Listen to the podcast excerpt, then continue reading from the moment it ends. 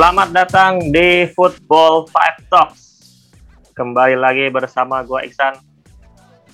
Uh, episode kali ini sehari setelah bursa transfer ditutup atau deadline day. Jadi banyak banget yang uh, apa ya kejutan terjadi di bursa transfer kali ini. Mungkin gue sebagai orang yang paling muda di sini ya, gue melihat ini terus uh, bursa transfer paling gila dalam sejarah hidup gue mungkin. Jadi wah gila, wah gila kita bursa transfer kali ini. Cuma gue gak sendirian aja ngomongin uh, bursa transfer kali ini. Uh, di sini gue ada Bang Kenza. Halo Bang. Hai. Ada Bang Kenza yang ya emang uh, sering datang ke uh, sering ada di podcast ini sama gue. Lalu ada Kang Asep. Ya, ya Kang. tamu spesial ini. Ya, tamu, ya. tamu spesial. Kang Asep. Udah pernah ngobrol sama Laudio Pizzaro. oh iya. ada Kang Asep. Jadi uh, ya uh, ngomongin bursa transfer kali ini, ini ngomongin deadline day apa gimana nih? Apa seluruhnya? Deadline day aja san. Kalau suruh kalau seluruhnya mah bisa ya? tiga jam ini podcast. Makanya aku bingung nih. Ini kalau seluruhnya bisa banyak banget nih. Jadi kita bakal ngomongin deadline day yang baru berakhir beberapa ya beberapa jam yang lalu itu ada siapa yang terdaftar ada ya bang? ada banyak, banyak uh, yang receh-receh dulu ya, yang ini belakangan ya receh-receh. Uh, di Liga Inggris tuh ada Daniel James ke Leeds itu dua, itu sekitar 25 29 juta euro. Lalu ada Emerson Royal dari Barcelona ke Tottenham 25. Terus ada Takehiro Tomiyasu dari Bologna ke Arsenal lalu ada ini ini penting banget sih ini Santiago Munoz yang sempat heboh uh, sempat heboh di Twitter gara-gara iya, namanya yang namanya. um, mirip Newcastle pernah kan? Newcastle Newcastle kan jadi memang penyerang muda Meksiko yang pindah ke Newcastle sama seperti di film Gol. Namanya ya sebenarnya. Sama juga. Sama sih beda dikit kan Munes kan oh, iya, iya benar, salah salah dikit. Ada Mark Cucurella, ada Ozan Kabak dan lain-lain. Dan si Ronaldo mah bukan deadline day kali jatuhnya ya. deadline day sih sebenarnya sih jatuhnya ya. Persemiannya doang. Iya, persemiannya doang sih. Cuma kan yang bener-bener kejutan kan ya nanti ya ini sih aman nanti sih nanti. Di Liga Inggris um, mungkin ada yang mau di, dikomentarin dari dari Bang Kenza mungkin dulu. Hmm, yang uh, apa ya? kalau buat gue yang unik itu West Ham ya. West Ham itu di deadline day mereka datengin dua pemain. Ada Nikola Vlasic sama Alex Kral. Nah, jadi kalau dihitung-hitung dalam kurang dari seminggu terakhir udah ada tiga pemain baru nih West Ham. Soalnya kemarin juga Kurt Zuma kan. Jadi ya, kalau gue ngelihatnya ini West Ham itu beneran serius ngadepin Europa League dan Premier League di Premier League juga harus bisa kalau bisa lebih bagus dari musim lalu sih dengan pemain-pemain yang ada kan.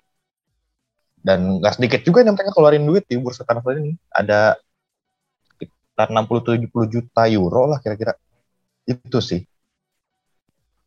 Cuma memang West memang ya secara performa juga lagi bagus sih. Tapi uh, di Liga Inggris saat ini dari musim lalu bahkan maksudnya apalagi jadi bener-bener uh, sebuah tamunis yang bagus lah untuk untuk The Hammers.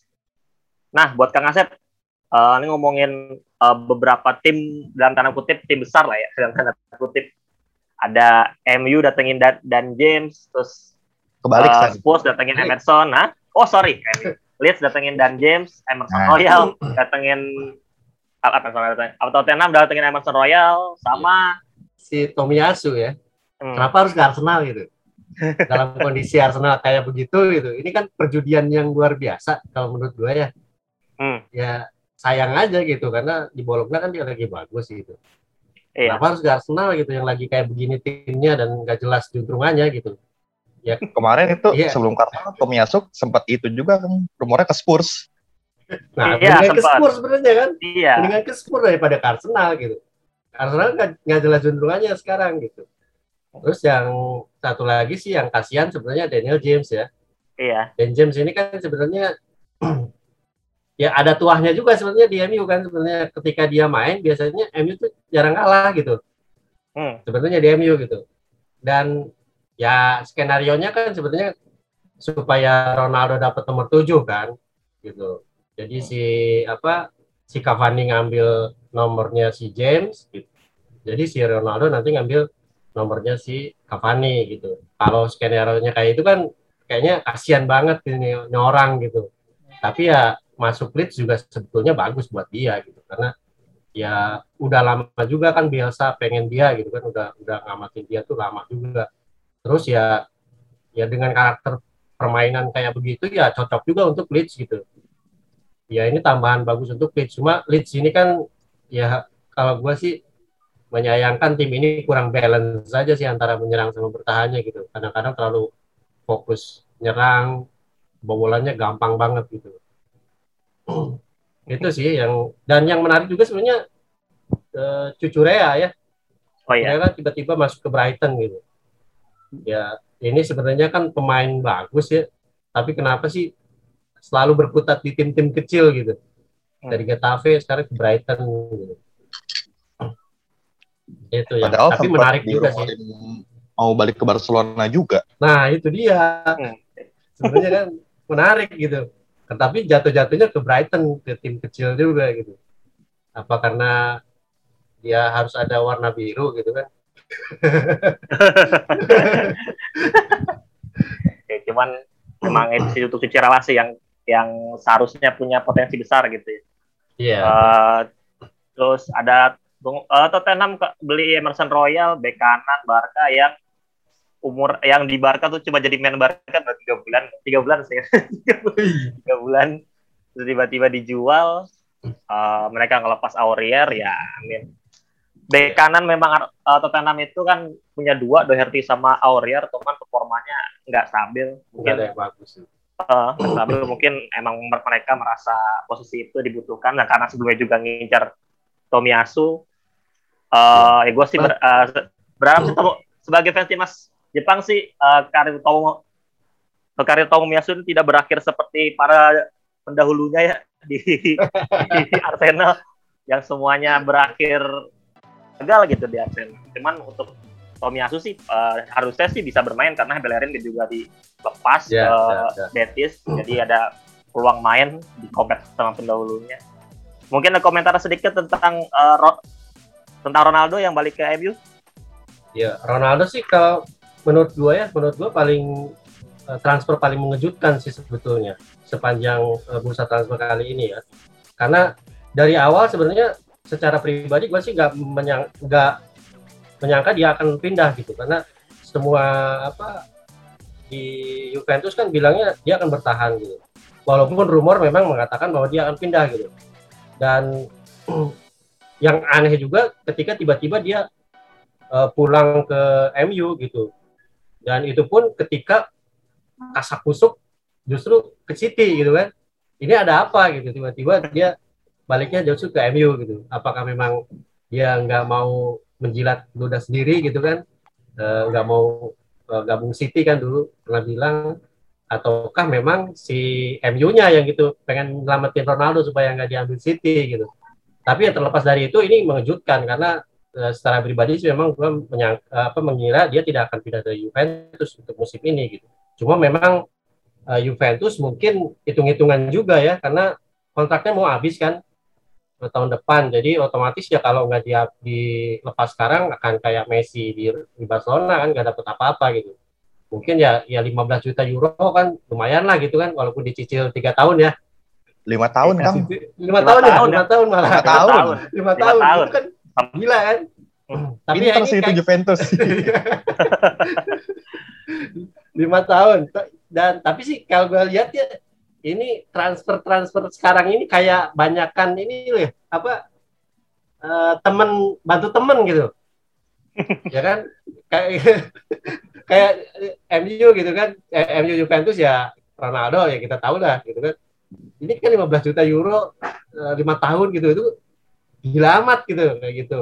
Terus ya di yang lain juga kayak begitu gitu. Kayak uh, Inter gitu kan. Inter kehilangan Lukaku ngambil Korea gitu kan ngambil Zeko gitu. Ya santai aja gitu teman bantu teman gitu. Terus kayak di Spanyol kan Barcelona gitu kan. Yang lepas Griezmann ke Atletico Madrid juga ya teman bantu teman juga gitu. Karena kan Barcelona pengen clear out kan. Makanya banyak pemain yang dilepas di akhir bursa transfer ini gitu. Salah satunya Griezmann. Memang Griezmann sebenarnya uh, paling mengejutkan di di transfer uh, di deadline transfer ya. Tapi kalau kita ikuti dari awal kan sebetulnya dia memang udah ditawarin ke Atletico dari awal kan dari awal bursa transfer karena gajinya gede kan. Hmm. pengen di clear out sama si Barcelona. Cuma memang Atletico nggak mau bayar gaji gitu kan. Gajinya kegedean juga di gua kayak gitu ke Barcelona gitu dari tahun ke tahun gitu. Dari zamannya si apa Dani Alves itu. Ya. Itu kan banyak Dan, banget gitu. Sampai Sevilla juga baru datengin itu Rafa Mir. Iya. ya. Jadi ya make sense sih. Jadi kalau De Jong dilepas Barcelona. Nah. Uh, karena udah ngomongin Liga Spanyol, kita lanjut ke Spanyol mungkin mungkin ada Bang lu Bang Kenza ada salah satu orang yang lo lupa mungkin Saul ke Chelsea. Oh iya. Oh iya. Itu komentar lu gimana Bang? Saul. Uh, kalian juga kan Spanyol kan teman. Komentar lu gimana soal Saul? Lihat Saul kayak itu ya, kayak pas Chelsea datengin Kovacic. Ya. Karena waktu itu kan stok landangnya masih banyak. Nah, dan iya. sekarang juga uh, banyak, apalagi masih ada itu kan Ruben Loftus-Cheek dan Ross Barkley yang ya. walaupun ada daftarin tapi masih ada. Hmm. Ya, gue sih mikirnya Saul itu kemungkinan didatengin buat itu satu buat jadi backupnya Kovacic, Kante sama Jorginho. Dua buat jadi backupnya Rhys James wingback kanan. Hmm. Karena kalau dilihat yang cocok gantiin Rhys James itu sebenarnya sekarang nggak ada. Maksudnya nggak ada yang pas. Yeah. Hudson Odoi itu uh, defense-nya kurang banget. Dia tapi nyerangnya bagus. Aspilicueta kebalikannya. crossing crossing itu kurang, tapi defense-nya bagus. Hmm. Nah, menurut gue Saul sih uh, cocok ya buat gantiin eh buat jadi pelapis series James karena di Atletico dia juga berapa kali kan gitu. Iya, Gitu sih. Uh, itu soal Saul lalu kita masuk ke Spanyol di deadline day-nya tadi udah disebut disebut sama Kang Asep uh, Antoine Griezmann pulang dari Barcelona ke Atletico Madrid pinjam dengan opsi atau wajib sih yeah. ada berbeda, berbeda laporan makanya jadi agak bingung Uh, terus ada karena it karena Griezmann ke Atletico, si Barca beli Luke De Jong dari Sevilla ke bukan beli minjem dari Sevilla ke Barcelona. Uh, ya lagi-lagi pemain timnas Belanda lagi-lagi. Lalu ada Eduardo Camavinga yang dari Rennes ke Real Madrid yang beritanya baru yang berita transfernya baru muncul setelah berita Mbappe gagal kemarin. Iya. Yakin sih kayak ini sih kayak penebusan apalah gitu ya Madrid itu gagal dapet Kamavinga. Lalu ada Mati Hope, wonderkid Amerika dari Schalke ke Mallorca. Ini bakal duet sama pakai Kubo di situ. Ada Hector Bellerin dari Arsenal ke Real Betis, lalu Helder Costa dari Leeds ke Valencia. Kang gimana komentarnya soal ini transfer transfer Liga Spanyol? Iya, sebenarnya sih yang paling yang paling kelihatan sih bagaimana Barcelona ya. Barcelona kan clear outnya benar-benar ini gitu kan. Sampai Lex Moriba pun akhirnya dilepas ke Leipzig kan. Itu ya tapi ya itu memang tuntutan buat ngurangin gaji kan. Memang kalau dilihat dilihat pemain-pemain yang masuk itu yang paling menarik ya Kamavinga ya. Kamavinga masuk Real Madrid ya kita akan menunggu gitu akan seperti apa mainnya gitu akan dan akan ditempatkan di posisi mana juga gitu kan. Karena ya persaingannya kan lumayan ketat juga di apa di posisi gelandang serang gitu di apa di Madrid gitu. Ya akan menarik juga gitu. Walaupun dia dibeli dengan harga yang sebetulnya sih murah ya 31 juta euro. Dengan diskon ya? seperti itu ya. Iya benar ini untung banget gitu Madrid dapetin dia cuma 31 juta euro gitu. Harusnya 50 juta euro lebih gitu untuk untuk apa pemain seperti dia. Ya cuma sekarang ya tadi bahwa bagaimana nanti si Ancelotti akan nempatin pemain ini menyatukan pemain ini dengan uh, dengan timnya yang sekarang gitu karena ya itu yang gue bilang tadi bahwa ada banyak saingan gitu di posisi gelandang serang yang akan ya bentrokannya luar biasa gitu. Padahal sih paling aman kalau dia gelandang bertahan gitu. Kalau gelandang bertahan sebenarnya kan agak di, masih dibutuhkan sih oleh oleh si Madrid ya. Tapi yang menarik justru Kamavinga yang di, diambil oleh Madrid gitu. Tapi ya tapi ini juga bisa dibilang memang ya itu tadi ketika mereka nggak dapetin Mbappe ya harus ada lah pemain bagus lain gitu yang diambil gitu kan nah, Madrid kan nggak ada ini kan nggak ada kayak nggak ada move gitu di bursa transfer kali ini gitu. Otomatis ya mereka juga butuh bintang baru gitu, untuk permajaan timnya dan uh, refresh ya refresh timnya juga gitu. Karena pemain baru otomatis kan ada ambisi baru juga apalagi dengan pelatih baru. Uh, kalau uh, ada Mati Hop ke Schalke ke Mallorca, Mati Hop ini uh, memang ber, uh, beberapa kali uh, penonton penampilannya di Schalke musim lalu lumayan ya lumayan yeah. uh, bagus sih Mati Hop terus dia bersama timnas Amerika. Uh, ini beli ya ini permanen ya? Permanen ya? Permanen permanen. Permanen. Kan Schalke permanen, Schalke ya? memang Jadi, clear out juga kan? Hampir semua hmm, pemain iya. keluar. Gara-gara degradasi. Gara-gara degradasi kabur-kaburan. Iya, degradasi. Lalu ada Hector Bellerin yang memang dari dari dari musim lalu emang udah pengen ngeluarin dari Arsenal ada Helder Costa juga ke Valencia. Eh uh, apa langsung aja kali ya ke liga lain ya? Liga, liga. ada Liga Italia Serie A. Ini sebenarnya daftar banyak loh sebenarnya. Banyak banyak. Cuma nih banyak banyak yang receh sih makanya juga. Iya iya. Uh, uh, Muhammad Ihataren eh, Muhammad Ihataren dari PSV ke Juventus setelah itu dia dipinjemin langsung ke Sampdoria ya wonderkid FM lalu ada Moise Kean dari Everton kembali ke Juventus nggak pantas banget sih lalu ada Ethan Ampadu dari Chelsea ke Venezia yang emang eh, mending, mending degradasi manajer Casey dari performa dua pertandingan awal. Lalu lah Dennis Praet balik lagi ke Serie A dari Leicester ke Torino. Lalu ada Andre Frank Zambo Anguissa dari Fulham ke Napoli. Ada main Milan by the way dua sebenarnya. Milan iya, dua iya, pemain Junior Mesias sama Yasin Chadli. Yasin Chadli langsung dibalikin lagi ke Bordeaux. Mesias Mesias uh, dari Crotone. Lalu apa lagi? Ada Kaketa Bali juga ke Cagliari singkat gua. Uh, Bang Kenza gimana sama komentarnya itu, buat sama Felipe Caicedo ke Genoa? Oh iya, Felipe oh, iya. Caicedo ke Genoa. Bang Kenza gimana komentarnya soal Serie A deadline day? Ada yang kalau dibilang mengejutkan sih nggak ada yang terlalu wah banget ya. ya kalau Ihataren kan, Ihataren sama Ken kita udah tahu dari klub sebelumnya emang udah santer juga mau dibilang cabut. Uh, paling itu sih yang apa ya kejutan dalam tanda kutip itu Junior Mesias. Hmm. Karena Milan udah punya Giroud, Ibrahimovic. Ya. Dan backupnya bisa ada Leo, Rebic. Jadi gue kayak ini buat apa sih datengin Mesias? Buat nambah-nambahin main doang atau buat apa? Itu gue masih kurang paham sih. Kalau di Crotone sih si Mesias itu kan dia uh, second striker ya di belakangnya sini. Jadi technically dia bukan penyerang tengah gitu. Jadi ya gue nggak tahu sih apakah uh, se, uh, mungkin bak bakal dipasang di belakang striker atau jadi pelapisnya Brahim Diaz ya, atau jadi Diaz, pelapisnya Lemeker mungkin bisa di kanan. Jadi mungkinan sih bisa itu karena gue nonton beberapa kali Mesias itu kan tipe pemain dribble sebenarnya. Dia orang Brazil segala dia orang Brazil. Jadi memang kalau jadi uh, pelapisnya Giroud atau Ibra sih emang kurang cocok sih. Mungkin emang jadi bisa Brahim dia sebenarnya yang cocok Mesias. Uh, Kang Asep ada komentar soal seri A deadline day? Ya, ya Taren ya.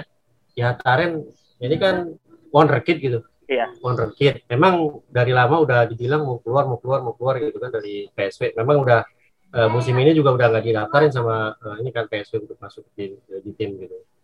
Uh, cuma ya aneh juga sih ketika tiba-tiba Juventus yang ambil dan langsung di loan gitu kan ini maksudnya apa gitu aneh aja sih ketika seorang wonderkid gitu diambil oleh Juventus tapi ya dia akhirnya dilempar lagi ke Sampdoria gitu Padahal dia kan sebetulnya kan udah ya udah bisa dibilang mateng gitu kan di PSP gitu.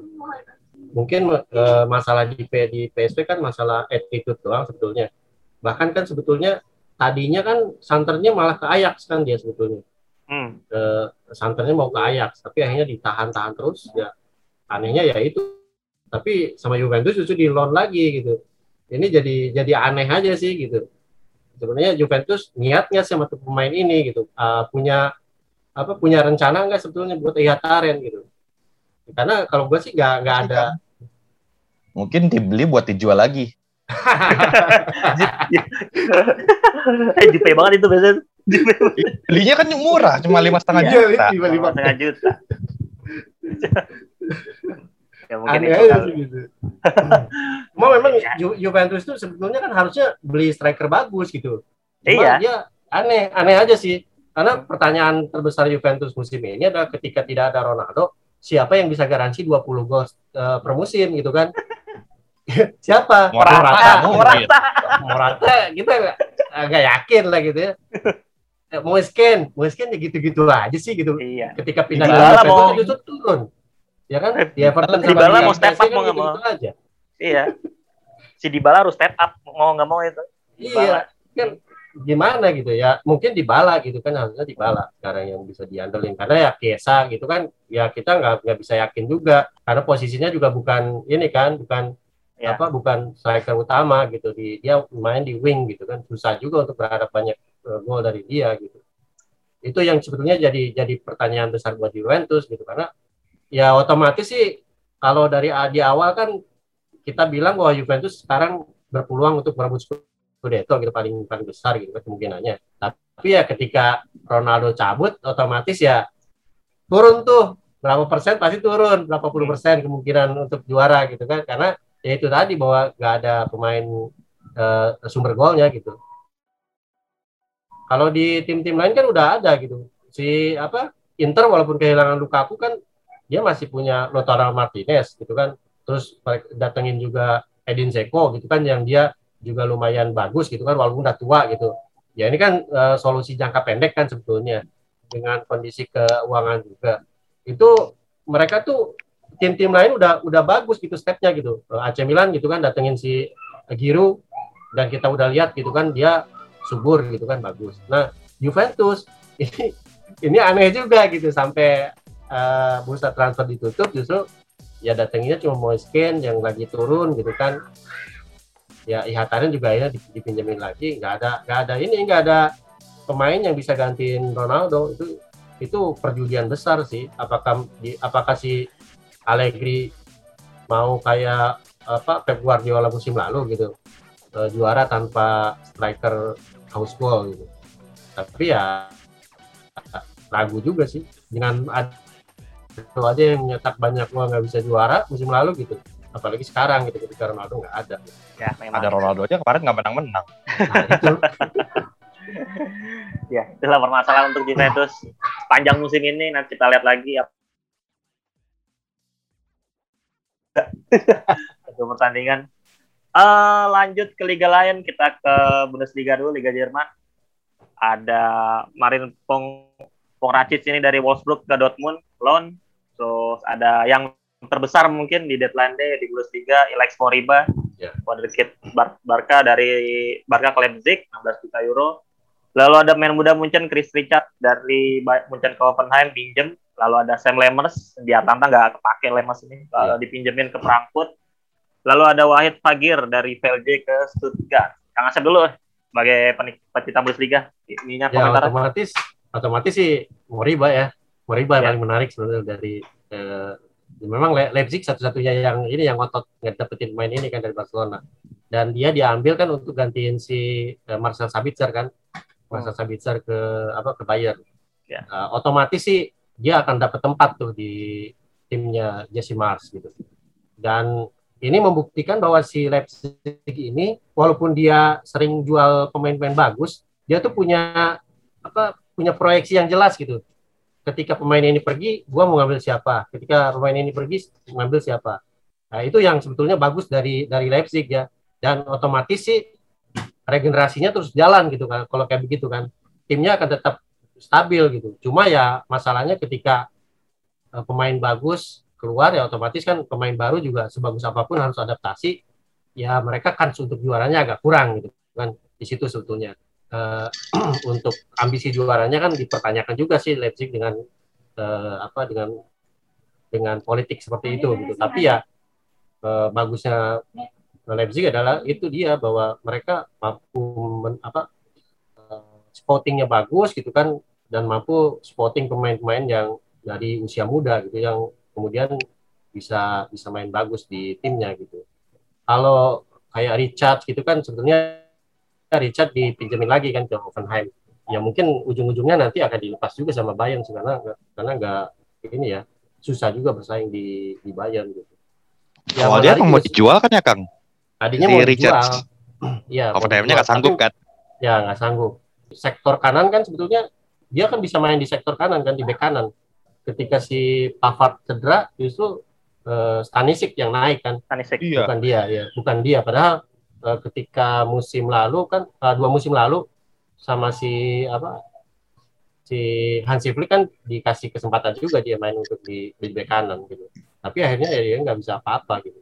Di malah disalip sama Stanisic gitu. Itu kan membuktikan bahwa dia nggak kualitasnya agak menurun gitu dibayar. Ya. Paling itu sih ya uh, Pongracic ya. Uh, ini tuh kalau gue ngelihatnya mengarah ke panic buy. Hmm. Karena uh, kita tahu Dortmund tuh dari awal bursa transfer emang nyari back kan dan gak dapat dapat. Sampai akhirnya kemarin sempat dicer Hudson Odoi buat jadi wingback tapi nggak dibolehin sama Chelsea dan ujung-ujungnya si Pongracic ini uh, dibilang perjudian sih lumayan ya karena uh, bek kanannya Dortmund itu kemarin Munir main tuh hancur-hancuran. Nico Schulz juga cedera lagi. Jadi ya Marius Wolf ya begitu uh, angin-anginan juga. Jadi unik sih ini Pongracic sini apakah dia bisa step up buat gantiin Hakimi yang dari musim lalu masih belum dapat penggantinya atau Koscielny dan Julian Brand yang underwhelming di Dortmund. Jadi memang Dortmund masih punya masalah di sisi fullback slash wingback. Jadi lihat kayak apa yang terjadi. Eh uh, Prancis perlu dibahas nih. Prancis ada yang baru. Ada, Jerome Boateng ke Lyon. Oh iya, oh, iya baru iya. ini dia apa Piajen ya, Piajen. Dia Jerome Boateng ke Lyon, Piajen. Gabriel Gudmundsson dari Groningen ke Lille, karena 19 juta euro ada Valerie Germain dari Marcel ke Montpellier transfer dan mungkin ya, emang yang paling terkenal ya dari deadline dari Prancis itu Nuno Mendes dari Sporting ke PSG pinjaman dengan opsi 40 juta. Back ini yang paling banget dibutuhkan PSG gue geli banget lihat si si Abdul dia kiri atau Kipembe jadi kiri itu enggak banget enggak banget sih apalagi Juan Bernat sama Kurzawa juga enggak enggak jelas gimana kabar jadi memang ini pembelian yang bagus untuk uh, PSG di posisi bek kiri oh, mungkin itu aja kali ya terus kontrak Falcao Sergio Aurier ya udahlah ya. Falcao ke JDT deh kalau nggak ke Rayo Vallecano. Tapi ini ngomong-ngomong soal Nuno Mendes, kalau di, di tracking ya, di tracking beberapa tahun ke belakang gitu, hmm. itu Paris itu hampir tiap tahun beli back kiri baru sama kiper kiper baru. Lalu kayak begitu. Coba aja dilihat. Musim Jadi lalu tuh musim lalu kan musim lalu dia dia nggak beli saya nggak beli itu oh, iya. karena hmm. uh, mereka ituin si Michel Bakar kan ya yeah, yeah. naikin Michel Bakar Michel Bakar gitu hmm. jadi, jadi itu fakta unik tuh seputar PSG yang nggak nemu-nemu bek kiri iya. Dan sama, sama kayak sama kiper kalau kalau kalau kiper sebenarnya udah nemu cuman makanya kiper bagus lapar lagi iya. lapar mata sih lihat Donnarumma gitu pagi ya. Sampai sekarang belum main pula, kasihan banget itu orang. Paling bayarnya ke satu tandingin gitu. Uh, udah, mungkin untuk segmen pertama, segmen pertama nih ya. Seg untuk segmen pertama ngomongin soal bursa transfer, Uh, nanti kita akan kembali lagi di segmen kedua.